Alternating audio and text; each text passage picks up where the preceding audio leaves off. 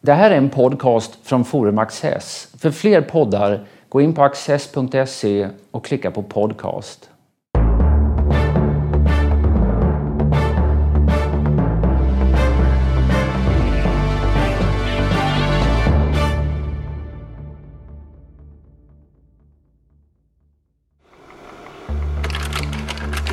Majken Johansson tillhörde som ung en lärd, intellektualistisk och ultrasofistikerad krets poeter i det tidiga 1950-talets Lund. I debutdiktsamlingen Buskteater uppträder sådana som Georgias, Sokrates, Luigi Pirandello, Jean Cocteau och Gertrude Stein. Men snart vände Majken Johansson ryggen åt lärdomen, intellektualismen och det ultrasofistikerade. Hon blev frälsningssoldat och skrev nu dikter präglade av en icke tillkämpad naivitet, enkla och drabbande i sin existensreflektion. Jacques Werup, poet, romanförfattare och scenartist, samtalar med Peter Luthersson. Hur var Majken Johansson? Sammansatt. En av de mera sammansatta diktarna i vår litteratur, moderna litteraturhistoria. Hon var en intellektuell flicka med stor kunskapstörst. Stor svartsyn, mycket skeptisk, eh, kärv, burlesk. Och sen blev hon Sveriges mest kända frälsningssoldat. Detta rymmer i sig en paradox som vi kan prata lite grann om. I sin debutsamling, långt innan hon blev frälst, kallar hon sig själv 1952. buskteater. Det är en mycket tydlig riktning. Hon kallar sig på sidan ett i första dikten Mahahahahahaiken Juhu Hansson. Och vad är det? Jo, hon skrattar åt sig själv. Ett skratt som sätter sig i vrångstrupen. Hon skrattar också åt hela världen. Hon är en raljant skeptiker. När hon kommenterade det där själv så, så talar hon om att, eh, eh, att eh, det som drev den där diktsamlingen, som är så intellektualistisk samtidigt med en massa referenser till alla möjliga figurer, att det var känslan av meningslöshet och intighet. Och så har hon två måltavlor, säger hon för det. Det promiskuösa och vetenskapen. Det promiskuösa förvånar mig för att hon var rätt promiskuös. Det, mycket tyder på det, även om hon är ganska diskret med att kommentera det själv eh, senare. Det ganska, Kanske inte muntligt. Det är ganska naturligt. Hon hade en mycket eh, en pågående degradering. Eh, hon gick ner sig ordentligt. Hon blev alkoholist. Hon visste inte om sin eh, sexuella tillhörighet. Hon eh, generade sin förläggare på Bonniers genom att sitta med en brännvinsflaska i korridoren. Det gör man inte ostraffat på Bonniers, för gjorde man inte ostraffat den. Men hennes förläggare var Åke Rundqvist och han höll ändå i henne hela tiden, eller ja, vakade det, över henne? Det var svårt. Mm. Det var mycket svårt och hon tog sin tillflykt naturligtvis så småningom till hög, en högre värld. Jag, jag hittade en lustig formulering i en dikt långt innan hon debuterade, nämligen i den studenttidningen Lundagård där hon i en liten text som heter Nocturne skriver, framhåller saligheten i det banala. Mm. Det är faktiskt en väldigt bra eh, kondenserad mening om vart hon sen tar vägen. Tänk att formulera två världar så enkelt. Att man dras till ja, vardagens triviala eh, sfär. Men vardagen blev väl för svår för henne? Alltså dels hade hon ju en jobbig uppväxt där. Hon var barnhemsbarn och fosterhemsplacerad och Eh, hon tog då sin tillflykt till skolan eh, och var duktig i skolan och sådär därför att det var något annat än hemmet och så blev hon mobbad för att hon var en plugghäst. Och... Jag pratade eh, malmöitiska från början. Ja. Så blev hon eh, bort, inte, hon blev bortlämnad till en moster i Småland. Och där, där bodde hon rätt länge innan hon återvände till... Alltså hon hade väldigt trassliga familjeförhållanden. Mycket men hon, hon återvände till sin mamma sen så småningom. Ja. Men hon, hon, hon var, hittade inte rätt och hon hittade inte sin, sin väg. Och eh, bohemlivet i studentkretsarna krävde nog rätt mycket. Där var ju... Vi ska säga något om de där studentkretsarna, Jack. Eh, Det Det, det finns en sån där, Lundaskolan. Ja, den tycker jag ju själv är en... en eh, Efterhandskonstruktion. Ja, alltså det var 20-åringar med, djup, med djupa intressen, litteratur och filosofi. Men de var 20-åringar och de hade, samlades kring en litterär tidskrift som heter Vox, som kom ut en gång om året, i vilken jag själv debuterade. Det ser du det? 1968, tror jag. Ja, ja. Och det, för det, Med lika obegripliga texter som, som Göran Prins Paulsson och Ingemar Le- Gustafsson. Sedermera Ja. Läckius. Ja. Och sen var det sådana som Anna Rydstedt och Evald Palmlund och Harald Svedner och så. Ja. Där, där, eh, eh, där eh, genererade, där, där kom en, en 50-talsgeneration. De åtrådde, liksom min generation, de åtrådde att komma ut på ett förlag. Och Vox var en plantskola. Och sen har man naturligtvis gjort stor sak av det. Det är lika stor sak som man har gjort av det som hette sen Malmöligan eh, och andra den där sortens sällskap. Men i grund och botten kände Majken vänskap och, och l- lekte och drack. Och, men passade in, för att hon är ju, hon läser teoretisk filosofi och hon är liksom eh, sofistikerad och, och smart helt enkelt. Hon är en smart tjej. Eh, och, eh, om man ser henne på bild ifrån den där tiden så är hon ju också en snygg tjej med en cigg i handen. Men hon, eh, hon eh, har ångest, hon eh, dricker mycket redan då. Sen hände någonting i mitten på 50-talet, nämligen att hon sätter in en kontaktannons och får svar av någon som sen kommer att kallas S Och hennes S författare. är hennes stora kärlek. S är en eh, kärlek som höll efter ett ohyggligt slut. S sköt sig framför ögonen på Majken Johansson. Ett år efter att de hade träffats och efter att de hade grälat. Tänk att leva, att leva med det. Det följde henne i hennes bästa dikter, tycker jag. Efter frälsningen 1958, efter några diktsamlingar som var eh, mycket intressanta, för att inte säga med då och då lite lysande, raspiga, kärva, besvärliga diktsamlingar så tycker jag faktiskt att, men det har med mitt eget intresse för den, den högre verkligheten, det, det är inte stort. Jag tycker hon blev en mycket sämre diktare.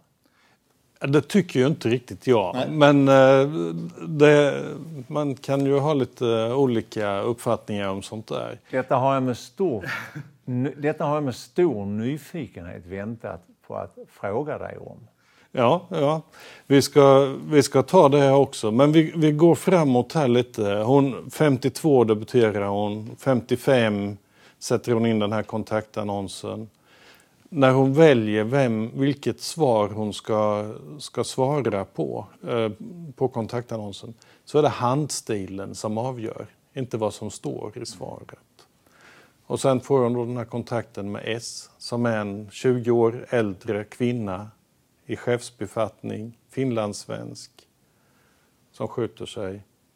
Sen är det två år av eh, dagdrivande i Klara och eh, mycket missbruk. Hon var väldigt illa ute. Väldigt illa ute. Jag träffade inte henne på den tiden. Jag träffade henne när hon var frälst. Hon, jag bodde då och då i Stockholm och hon skrek ofta efter mig.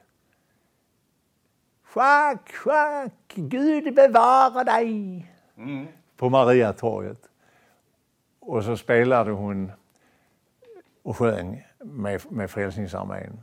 Och sen hade vi med henne, jag var ju med en gång i något som hette återigen en slags konstellation, en lös, allt för mycket eh, kanske idealiserad eh, konstellation som hette Fredagsbarnen. Vi gjorde mycket med poesi och vi gjorde mycket med scen, eh, poesi på scenen. Majken var med. Majken var med eh, mot, ja, vad kan det ha varit, i början av 70-talet. Hur gick det då? Det gick dåligt, dåligt och bra. Hon var en rutinerad scenmänniska. Men min kompis Lasse Söderberg, poeten och översättaren, han syndade svårt genom att lämna, att liksom låta henne sitta och vänta länge. Han var mångordig. Det hjälpte inte att jag sparkade honom på foten. Han fattade inte att Majken hade brännvin i väskan. Och då var hon väldigt, väldigt berusad men var van att uppträda. Hon spelade underbart på munspel. Och hon gjorde ofta den där kända dikten Munspelsvisa som är Låt oss höra den. dedicerad till Nils Ferlin, en av de stora musikpoeterna i svenska litteraturen. Allt för känd för att nämnas. Munspelsvisa till Nils Ferlin. Så det låter, så det låter när mitt munspel och jag vi gråter. Som en hund som hickar av skam, ett kräk som ej ens gitter ljuga och som en raspande fuga på kam och med kådan i kläm, ja, som en inneklämd fuga som det låter. Som det låter när mitt munspel och jag vi gråter. Så det låter.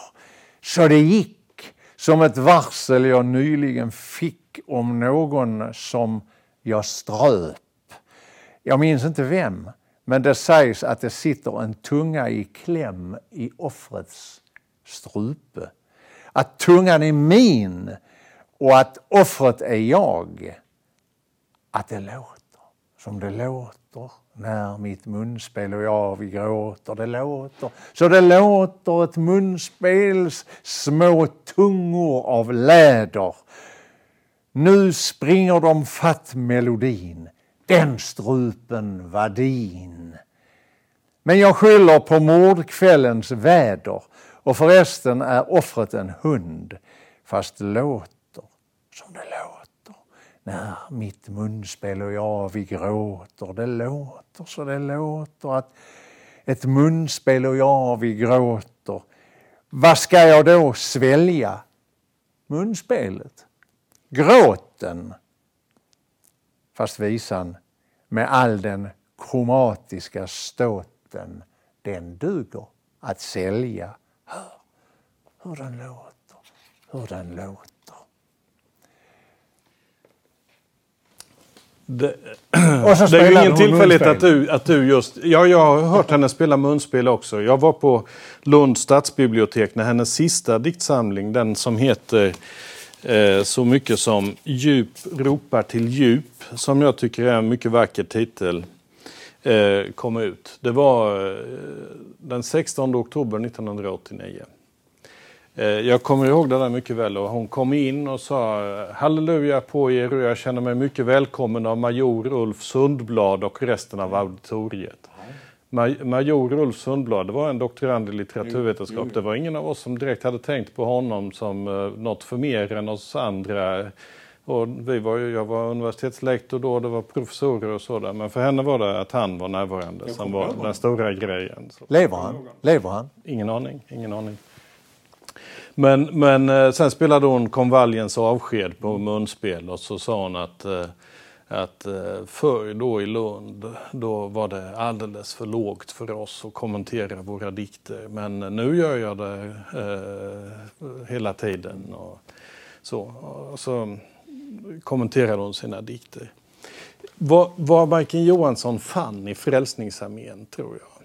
Eh, hon blev medlem där i Stockholm, eh, på Hornsgatan 1958 det var framförallt den enkelhet. Mm. Och, och jag, jag, tycker att de här sena dikterna, det, det märks ju varför du gillar munspelsvisa till exempel. Den ligger ju väldigt väl i din mun så att säga. Och du är ju själv en person som gärna läser dina dikter högt och på scenen och sådant. Jag som är en mer eh, tillbakalutad litteraturhistoriker jag läser de där enkla, naiva mm. dikterna som finns i slutet av, mm. av eh, hennes författarskap. Eh, som jag tycker, de, de talar till mig just därför att det är en sofistikerad människa som väljer bort sofistika, det sofistikerade.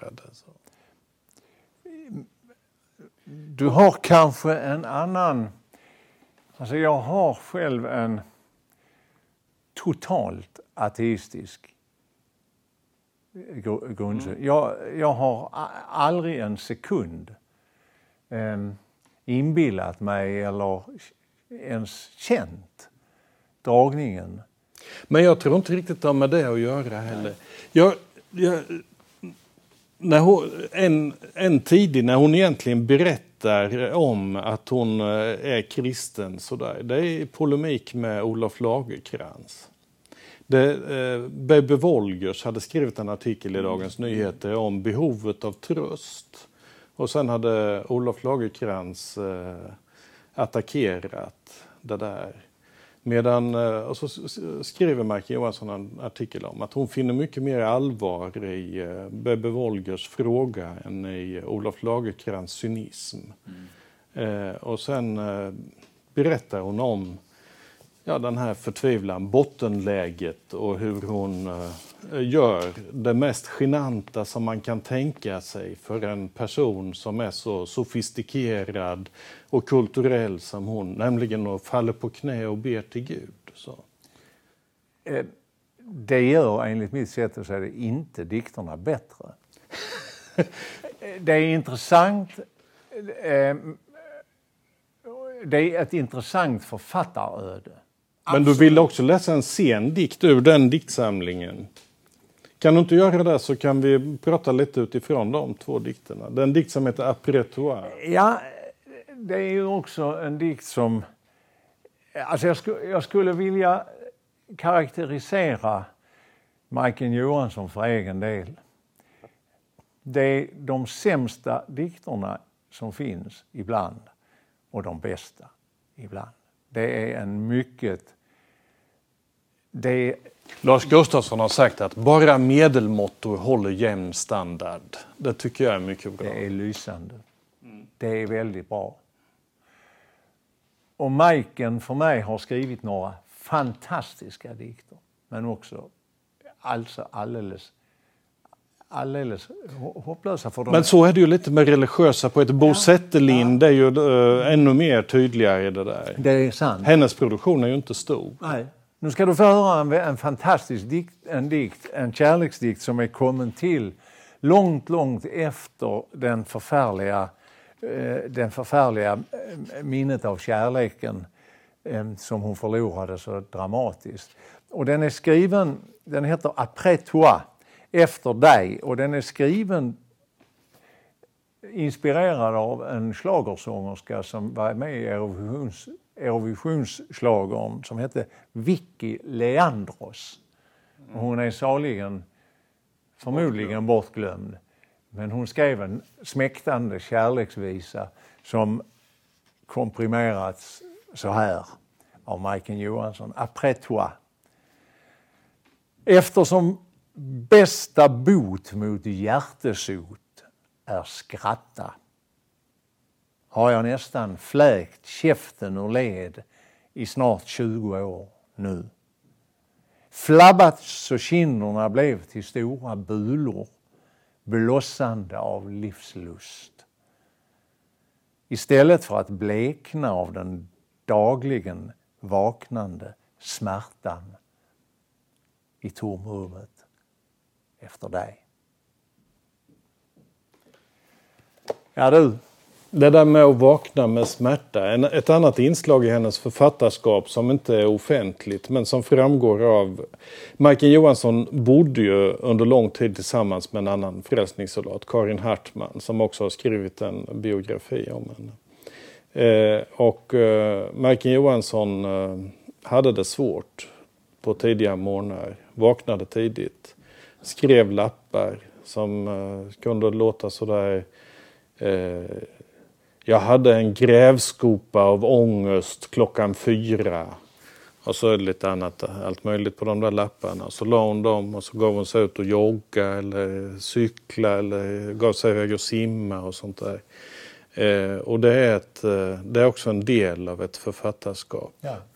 Eh, inte så märkvärdigt, men det märkvärdiga tycker jag ligger i att bryta ner eh, existentiell eh, upplevelse i mycket enkla ord, men som går fram. För mig går de fram.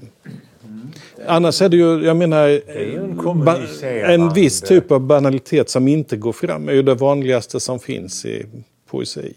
Det är ju en kommunic- kommunicerande diktare, den saken är helt klar. Men ibland blir det, tycker jag, alltså det har med, det har med övertygelser att göra.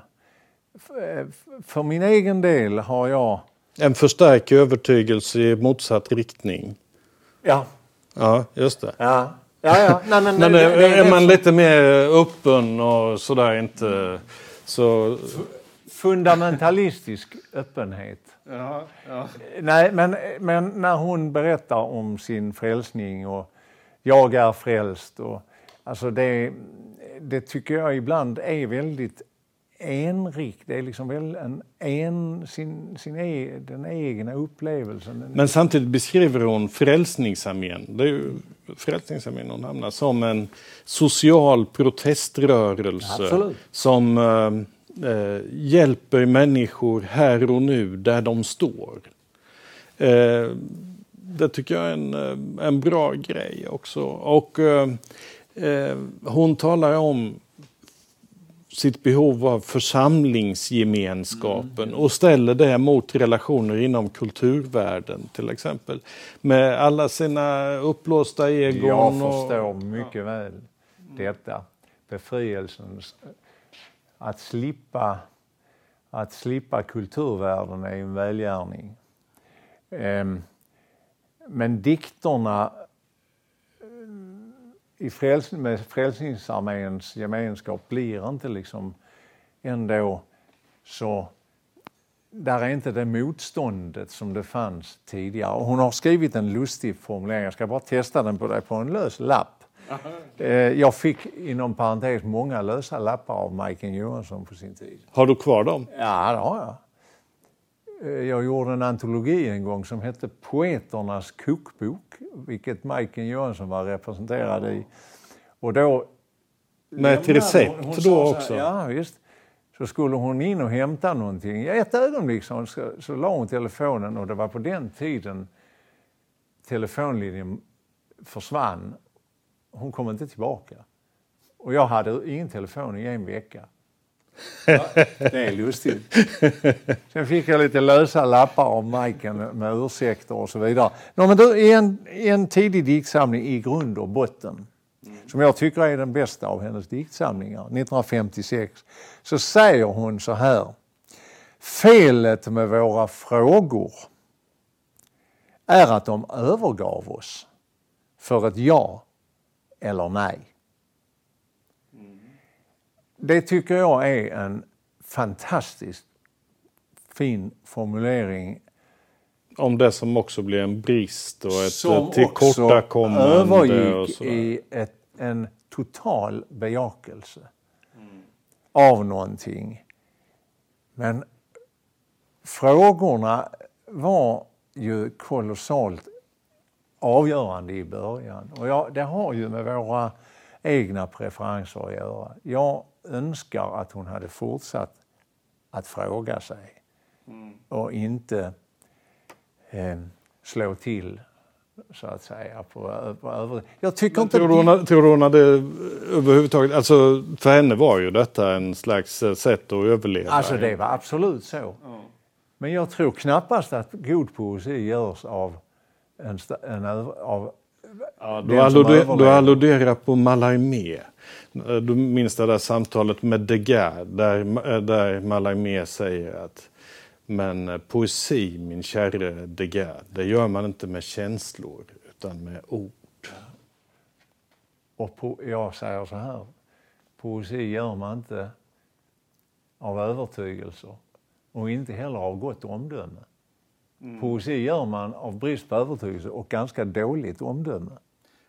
Gott omdöme vet jag inte om det träffar så där alldeles exakt på Majken Johansson i något Nej, nej, nej, nej. Du, du, har absolut rätt. Men det blev ju en riktning, en stark riktning och den påminner mig om eh, eh, politiskt övertygade konstnärer. Och jag har svårt för det.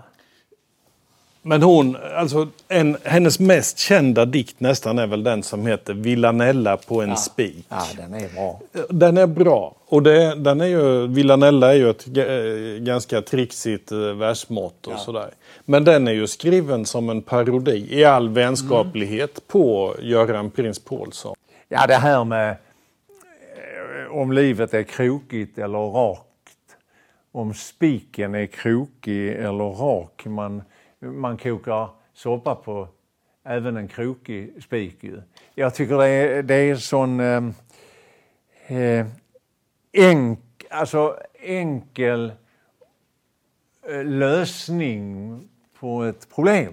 Hon låter ju också två saker kollidera där. Det där med att koka soppa på en spik och att slå huvudet på spiken. visst. Det är klart. Ja, hon var ju en begåvad. eh, Hon var begåvad. Tack Ragg. Kunde prata mycket. Jag hade kunnat prata en stund.